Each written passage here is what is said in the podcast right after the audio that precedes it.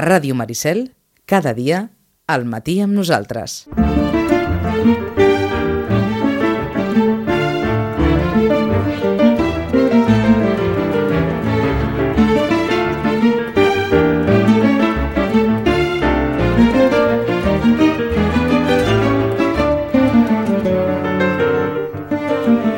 Onze i 25 minuts, aquí va un agraïment personal per la Rosana, perquè, perquè avui l'hem enxampada per allò, vaja, d'aquelles gentileses que a vegades tenen les persones que col·laboren amb nosaltres, doncs avui la gentilesa la té la Rosana, perquè l'hem enxampada així de pam, pam, pam, pam. Rosana, bon dia, bona hora, disculpes. Hola, molt bon dia, moltes gràcies per tot això. Ja saps que em tens a la teva disposició. Home, ja ho sé, Eh? però, però m'agrada que tot i tenir-te a, a la disposició, doncs com a mínim... A més, nosaltres... No sé quin dia visc i no, no me'n recordava ni que era dimecres. eh? No passa res, i ara, Vinga. només faltaria. Uh, aquesta no ha estat una setmana menor, perquè una de les persones que més has comentat en aquesta secció i diríem que un dels autors de més anomenada en els darrers temps i en els darrers mesos ha estat protagonista. Per tots aquells que no l'hagin llegit mai, com definiria Santiago Posteguillo? Ah, bueno, és un autor molt divulgatiu, molt. Uh, sempre tracta la novel·la històrica perquè ell, la veritat és que és especialista en història, per tant, realment, i tracta molt bé tot el que són les batalles, l'imperi romà, és un especialista, és una novel·la divulgativa, eh? més que és una novel·la molt fàcil. Divulgativa vull dir que és molt fàcil de llegir, que quedes atrapat i que no saps per què, ja te n'has llegit la meitat del llibre, saps? Allò que estàs molt a, en el llibre. Eh, per, tant, que- per tant, desenganyem-nos, l'editorial Planeta l'encertada de ple. Sí, sí, sí. E- És un autor de la casa ja, eh? De fet, vull dir que és un autor que, que ell l'última trilogia ja l'ha publicada en Planeta, vale? Ara feia molt de temps que els lectors deien però que no publica res, però que no publica res.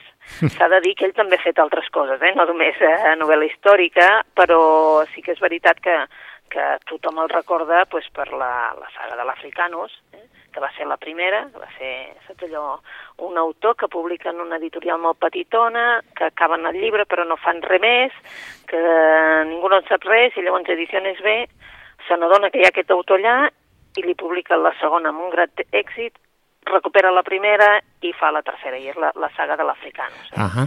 I després, clar, com passen aquestes coses en el món de l'editorial, doncs eh, hi ha un altre grup que se n'adona que aquest senyor està venent i està venent molt sense fer res, és a dir, sense fer grans campanyes ni res de res, i al, al cap de planeta. Eh? Llavors, clar, mm, però aquest senyor també ha escrit, a part d'això s'ha de dir, eh? a part de, del, de la trilogia de l'Africanos, mm, també la trilogia del Trajano, que és la que ha publicat Planeta, uh, va fer un llibre que era Noche en que Frankenstein leyó el Quijote, saps? Vull dir, coses així diferents que dius, bueno, doncs sí, ha fet coses diferents. De tota manera, tothom el coneix per això, eh? per uh, el món de Roma. Ah. I diu, entre altres coses, a la Razón, Sí. que la seva darrera novel·la, que té 700 pàgines, és com una mena de joc de trons. O sigui que si algú necessitava alguna cosa per motivar-se, aquí té, ens sembla que la millor de les motivacions, gairebé dirien que pels lectors impenitents com pels qui no ho són, eh? Jo, Júlia, diu el propi autor, és com una mena de joc de trons. Ja, ja, ja, Ja està tot dit, l'èxit, eh? Ja tenim l'èxit assegurat, eh? Perquè- La veritat és que tots els lectors s'han acostat per dir ei, um, voldré la novel·la, eh? Voldré la novel·la. Ah, bueno, clar, eh? És un autor ja conegut, eh? eh, com que em sembla que, que ho recordes molt, això dels terminis, oi, oi que més o menys d'aquí un mes mm, ara Sí? ja són tres setmanes, eh? Imagina't. Tres setmanes, o sigui, la primera de novembre, segur, segur, no han dit encara la data, però és la, la primera setmana de novembre està, està al carrer. Ahà. Eh? Vull dir que això sí que corren, corren, corren, perquè, bueno, mm, ja ho saps que com que ja corria quin era l'autor, suposo que ja corrien a, a, a publicar el llibre i serà una sorpresa la, la finalista. Ja És el que, és el que t'anava a preguntar. Perquè, és clar, de la finalista gairebé en sabem més del seu pare que no d'ella. Sí, bueno, és que no en sabem res. Ella Ah, ja diu que és exacte. la seva primera novel·la i, clar, per tothom una sorpresa, perquè, a més a més, clar, de fet, s'ha dit que era el seu pare, però, clar, no, no porta el seu cognom, no... Mhm. no? porta un altre cognom i per tant també dius, mm, ah, bueno, mm, clar, no en sabem res. D'aquesta sí que no et puc dir res perquè no, no, mm, no sabem ben bé si funcionarà, si no, és probable que sí, eh? és probable que sí, Per què? però ja... Per, per l'entorn? Per, per, Per l'entorn. Per l'entorn. Per l'entorn, eh? M més que no dir... Jo, jo, jo no diria que és la filla de, de Sánchez Dragó. Ja. Jo no diria, jo simplement diria que és ella i puntó, no? Vull dir que, de fet, eh, moltes vegades aposten també per autors així que no, no són gaire coneguts en el món de, de, de la literatura, per exemple, dels llibres, però que de vegades són una sorpresa perquè connecten amb, el, amb els lectors i, i de vegades doncs, també Planeta aposta per aquestes coses. Mm -hmm. No entendrem mai com, com un jurat pot decidir entre 640 originals o més de 600 originals que han arribat. Sí, no sé si hi ha un un Vaja, de, selec de tu- selecció abans, eh? Tu, Perquè... tu que ets una lectora, allò, una Això, gran lectora... que Quants toquen, eh, per cada un? Exacte. Dir, és que, és que mm, no, Exacte. dir, impossible. És que anava a dir, si són, si són un jurat de 10, toquen a més de 60 originals per, per cada un. I si, si, si és un jurat de 20, en toquen més de 30 per cada un. Sí. Aleshores ens imaginem, vaja, no ho sé. Però ja vas veure que el jurat és molt petit. Exacte. No, o sigui que toquen a molts. A Eh? molts. Per, eh? I no, no pot ser. Vull dir, clar, no pot ser. O sigui, hi, hi ha d'haver un comitè de selecció abans, suposo, que, que deu llegir, no? Que deu ser també el, els editors també de, de, la- de la casa, no? De, Sí. de Planeta, i, vull dir, com que en tenen molts, vull dir que a veure, també deuen tenir tot un comitè de gent llegint i seleccionant jo diria, eh? Tampoc no... És No, un secret que ben, porten ben guardat, saps? Que ningú no te'l dirà, perquè parlant amb l'editora de Planeta l'altre dia amb el motiu de la, de la Los Señores del Tiempo, de la Eva García Sáenz d'Urturi, doncs mm, no, no t'ho diran. Però bueno, mm, està clar que hi ha d'haver algú més, eh? Perquè si no, això és impossible. Eh? No, no, llegir. és que... Que necessitarien tot un any. Que, Sí, sí. clar, dir que estem parlant de molts llibres, eh? Perquè, clar, si són aquell jurat que surt, vull dir, és impossible.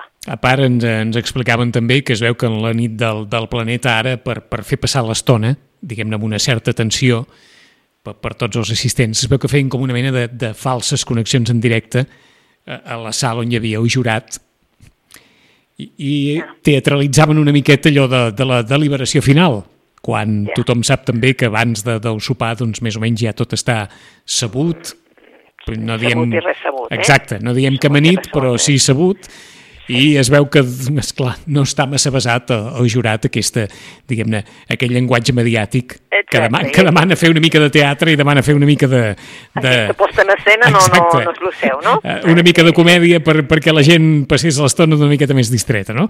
Es veu que forma part també del, del que es va viure eh, aquesta nit. En qualsevol cas, vaticines ja d'entrada que Posteguillo serà un èxit.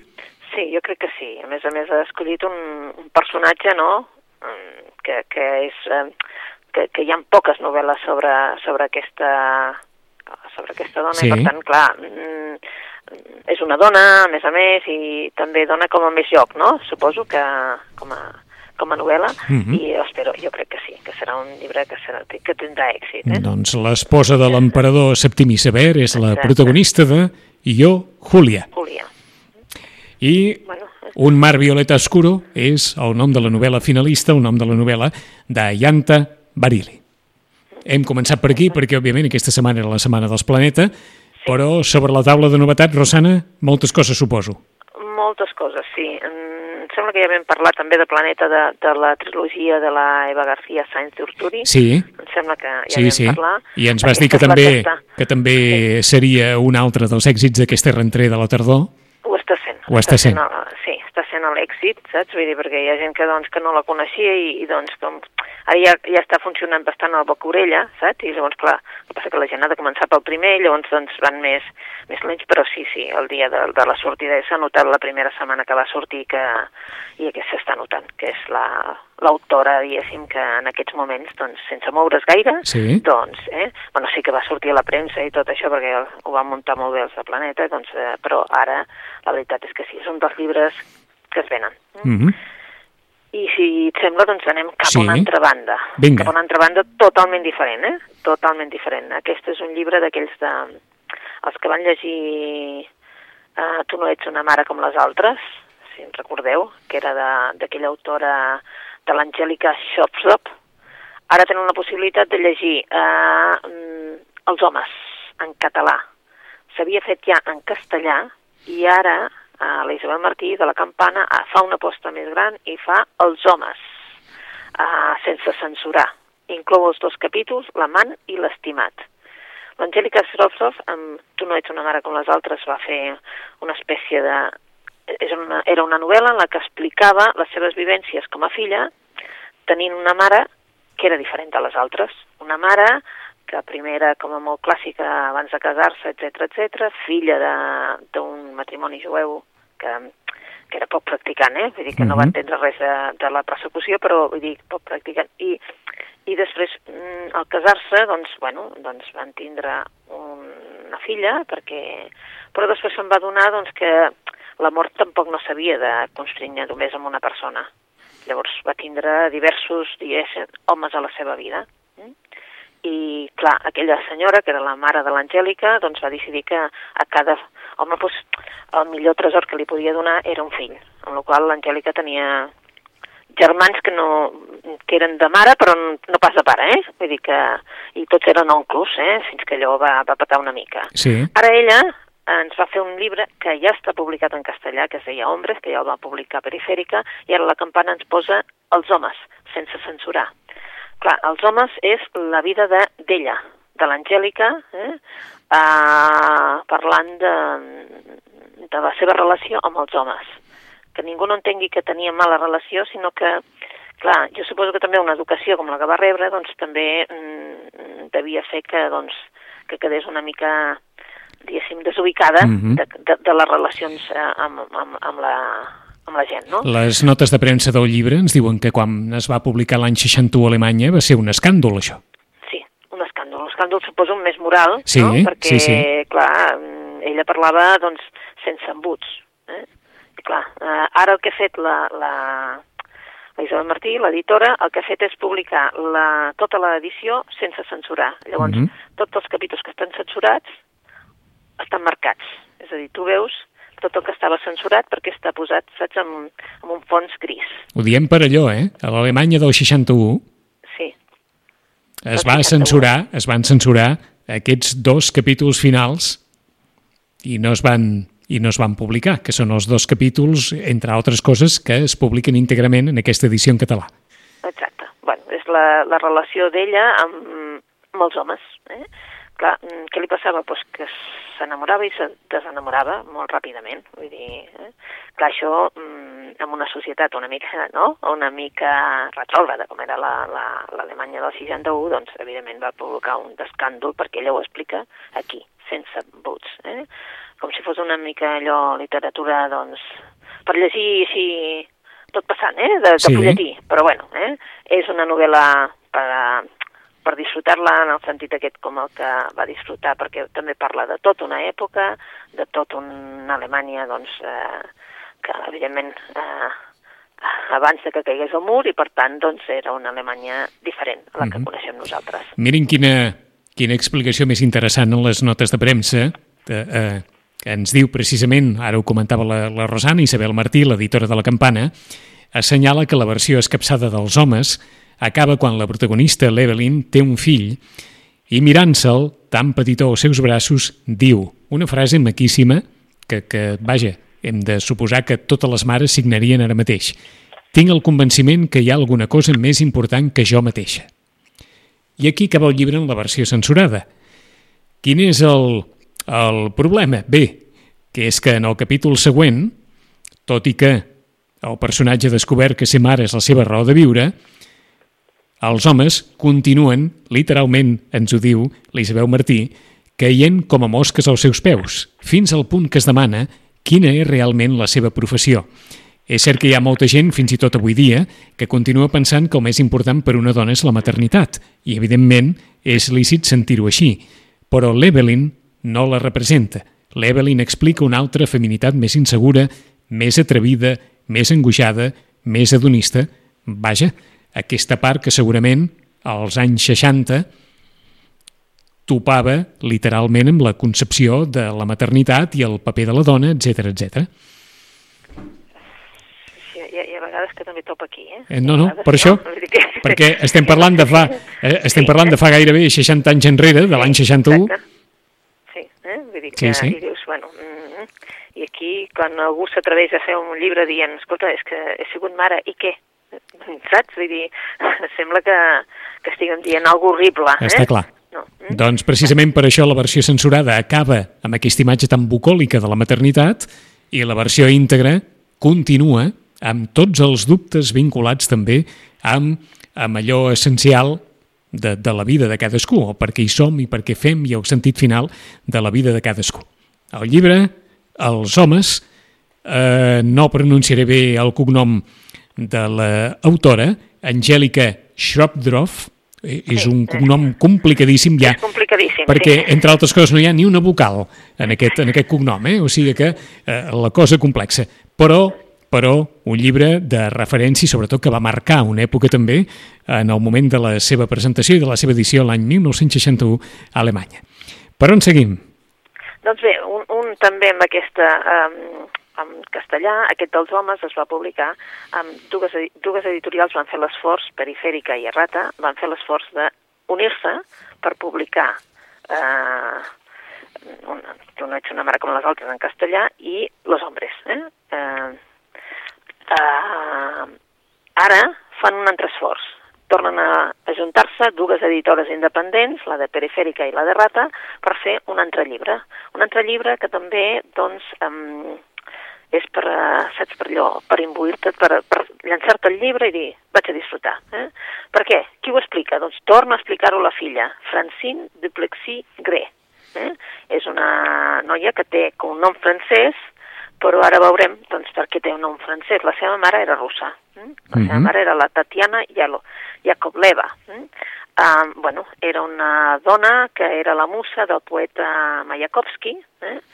i clar, um, bueno, van tenir un romanç, van tenir una relació, però després ella va conèixer amb un, amb un d'aquests visconde francès, eh?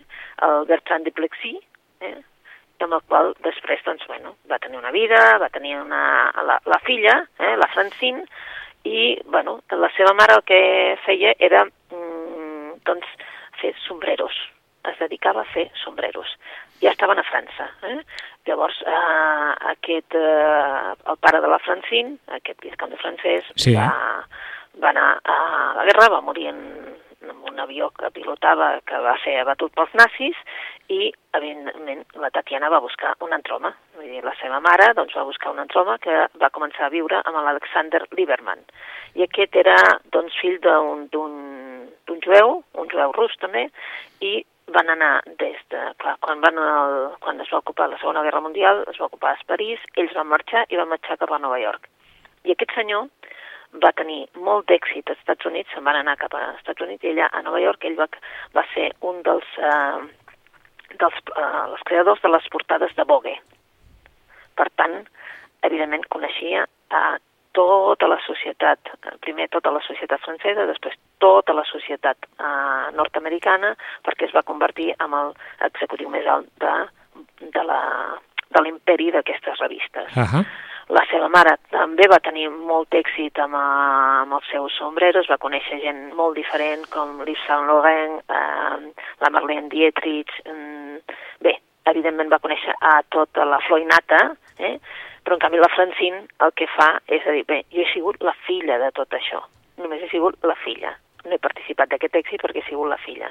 El que passa és que, esclar, ens es presenta doncs, tot un món, primer París, després Nova York, en el que, en definitiva, està repassant tots els moments mm, més rellevants, diguéssim, del segle XX, de tot el que, de la història. No?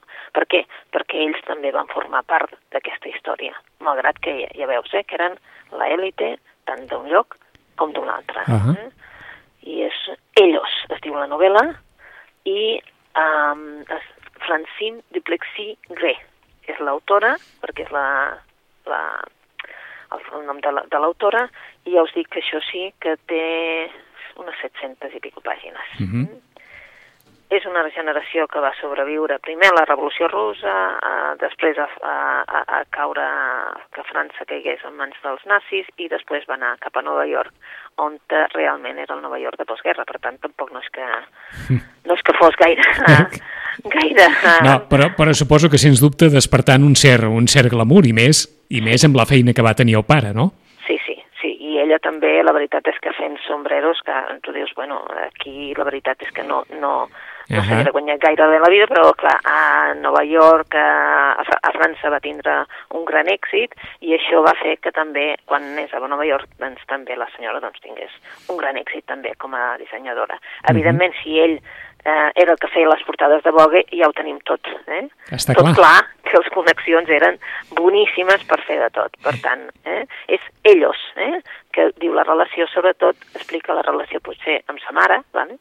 primer amb sa mare, qui era sa mare i què va aconseguir sa mare, perquè en realitat, si veieu, vull dir, primer era la musa de, de Mayakovsky, té un romanç, després s'enamora d'un d'un conde francès, després d'un fill... És que la història, la història no té preu, eh? No té preu. O, o, o sigui, el llibre sí. l'escriu la filla de Tatiana Yakoleva. Sí. La senyora Yakoleva era la musa de Vladimir Mayakovsky. Exacte. La senyora Yakoleva es va casar amb Bertrand Duplessis, el pare de Francine. El senyor sí. Duplessis va morir en accident d'aviació perquè els nazis el van, el van matar. Exacte. Aleshores, Tatiana, la mare de l'autor d'aquest llibre, va començar a viure, com ens deia la Rosana, amb Alexander Lieberman, un ambiciós artista, fill d'un prominent ju jueu rus.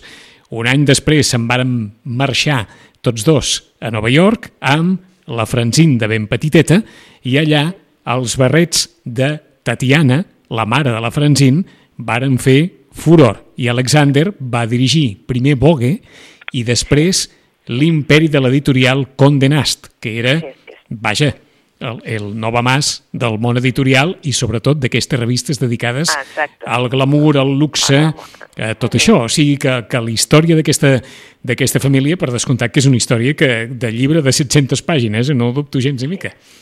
Sí, és de 700 pàgines i a més a més te'l vas llegint, te'l vas llegint, mm. perquè esclar, passen tantes coses, no?, i, i surt tanta, tanta informació de, de l'època més que res, no?, de dir, bueno, doncs eh, primer passa això, estan en aquest moment, després estan en l'altre moment, i després, sí. postguerra, a, a, a Estats Units, que Està clar, no és el mateix que aquí. Mm -hmm. eh? doncs, no de Fran, doncs de Francine Duplexi Gray, Ellos. Novetat editorial també, la Rosana avui està portant-nos per, a, per a autors, diríem que poc coneguts o poc populars.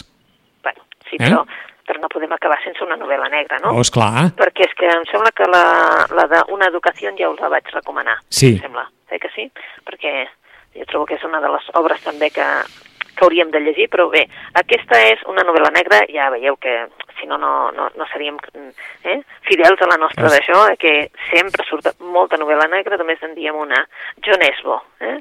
El John Esbo eh, té un personatge que és el Harry Hall, que és el que tothom hem llegit, vull dir, les novel·les del Harry Hall, però ja és la segona que no parla de Harry Hall, la segona que treuen, que no parla de Harry Hall.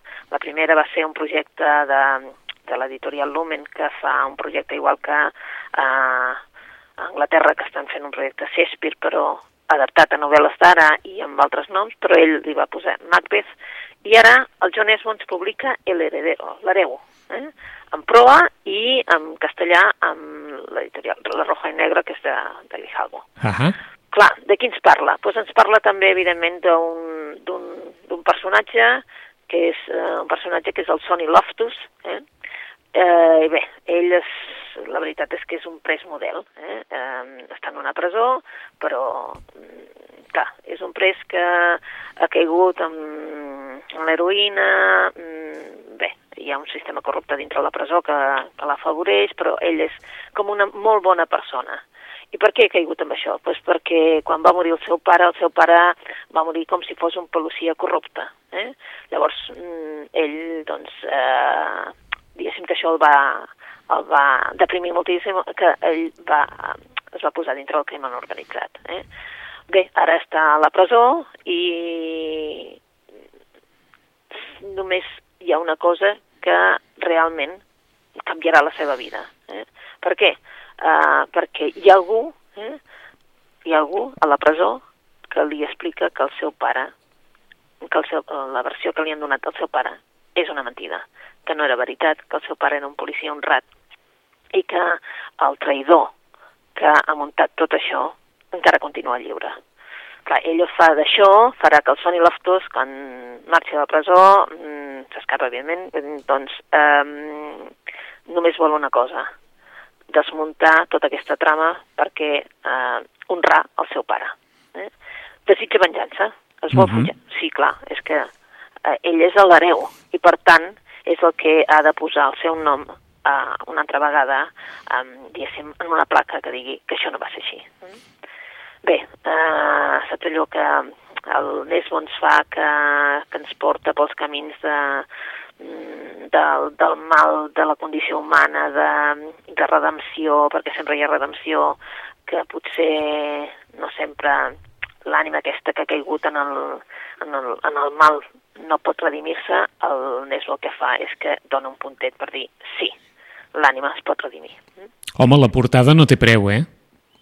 Que és la de la d'un home encaputxat, vaja, sí. d'aquells que s'encaputxen per, per fer alguna cosa, per fer alguna cosa d'amagat, és una portada molt, molt contundent, sí. perquè, esclar, la història sí. també ho és, és la història d'una venjança, com, com ens deia la, la Rosana, eh? Sí, sí, sí, la portada en català és molt maca, sí. perquè té aquesta portada que tu dius, en castellà potser, saps, com que es veu com una una reixa com si fos, eh, saps, una d'això, com si fos una presó i tal, no és el mateix. Jo crec que la portada l'han encertada molt en català, perquè és allò que t'atreu, eh? t'atreu, i el llibre ja t'atreu, en canvi sí. la portada en castellà no treu tant. És, és a dir, dona, eh? dona tota aquella sensació, la portada en català, que entrem en una història molt, molt potent, que sí. és el que ens expliques, eh? La història de John Esbo, l'hereu, i, i en el Vaja, en el relat que hem fet avui, pocs, poc autors catalans. Sí. Què hi podem moment... afegir en català? En català, bé dir, d'autor català o d'autora catalana? D'autor català que s'hagi sortit nou... Poca cosa. Poca cosa, que hagi sortit nou, eh? Després, de, de, després del boom de la tardor, eh? De, de les sí, entrades de... que to, tots aprofiten la Setmana del Llibre en català i ara sortiran, ara començaran a sortir totes les coses en, més a, en català, uh -huh. esperen una mica i aquesta setmana que ve crec que ja comencen a sortir molta més novetat en català, saps? Vull dir que jo crec que sempre aprofiten, saps allò, pum, la primera la primera topada, que és la, la, de, la de la Setmana del Llibre uh -huh. en català, perquè és la primera, diguéssim, i després ja mm, anem de cara al Nadal i sí que ja sortiran les altres coses. Eh, suposo que de moment Sergi Pàmies el continua a dalt de tot? Sergi Pàmies continua a dalt, a dalt de tot, evidentment, i, i també la, la Rojals, en un sí, pla. la Marta Rojals. La Marta Rojals, però clar, aquesta setmana, bueno, fa uns dies va sortir el Haruki Murakami. Sí. I, clar, li he pres el lloc a la Rojals, ho haig de reconèixer, eh? Li he pres el lloc, eh? El Haruki Murakami, ja sabeu que sempre té uns lectors ja molt fidels i quan va sortir, evidentment, doncs ja, pam, eh? Doncs, i realment eh, en català li ha pres el lloc a la Rojals, o sigui, estaria un tercer més, més discretet, però en realitat són, diguéssim, els tres llibres més, més potents ara en català, malgrat que Haruki és la, la traducció. Mm -hmm. eh, Sergi, eh, Sergi Pàmia sí que no li treu el lloc ningú, eh? No, de moment no li treu el lloc, eh, és un llibre que es continua venent, uh, jo crec que també és veritat que no hi ha hagut ni una mala crítica ni un, eh, ni un, ni un però, mm -hmm. Sí. I això també fa que no hi hagi cap, si no hi ha cap però, doncs també doncs, eh, doncs la gent llenci el llibre. Uh -huh.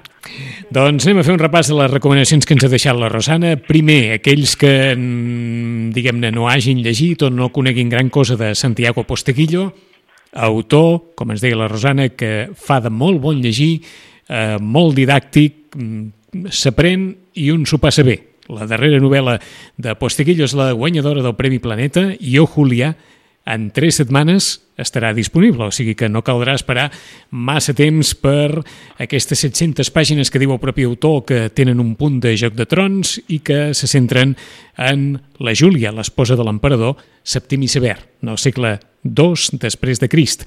La sorpresa vindrà de la mà de Ayanta Barili, la finalista, amb Un mar violeta oscuro. Més coses de l'autora de Tu no ets una mare com les altres, que ja va ser un llibre molt contundent perquè mm, d'alguna manera definia Angèlica Schroedroff una mare molt diferent en la seva, en la seva forma d'entendre, en la seva condició, els homes. Els homes no és una novel·la acabada de sortir, és una novel·la que va sortir l'any 1961, que en el seu moment dos capítols varen ser censurats, diguem-ne que els dos capítols on eh, la condició de mare, com a prioritària en la vida d'una dona, eh, es, posa més en, es posa més en qüestió, si és que ho podem definir d'aquesta manera. Però Els homes és un llibre que es deixa no només llegir, sinó que apunta veritablement aquell a les reflexions personals sobre el sentit de la vida d'Angèlica Schrodroff, acabat de sortir, però una edició que en el seu dia va revolucionar l'Alemanya de la postguerra, d'aquesta Alemanya d'inicis dels anys 60. De Francine Duplexi Gray, Ellos, la història d'aquesta dona embolicada dins d'una família amb, amb, amb un munt de situacions atzeroses que van anar a parar als Estats Units amb el segon o la segona parella de la seva mare, que va ser el director de Vogue i que després tindria una responsabilitat molt important en el grup editor de la revista i, per tant, aquesta, aquesta família ficada que va marxar d'Europa després de la guerra i va arribar a una Nord-Amèrica allò floreixent, està en el rerefons de la història Ellos, de Francine Duplexi Gray. I també L'hereu, de John Esbo, qui vulgui novel·la negra, la història d'una venjança, del fill d'un policia que es va suïcidar perquè va ser acusat de corrupte, se n'adona que a la presó hi ha la veritat i el seu pare no era un corrupte i, per tant, decideix venjar-lo d'alguna manera. En 15 dies tornarem amb més temps pels llibres. Rosana, bona lectura i fins d'aquí 15 dies. Bona lectura. Adéu-siau. Adéu.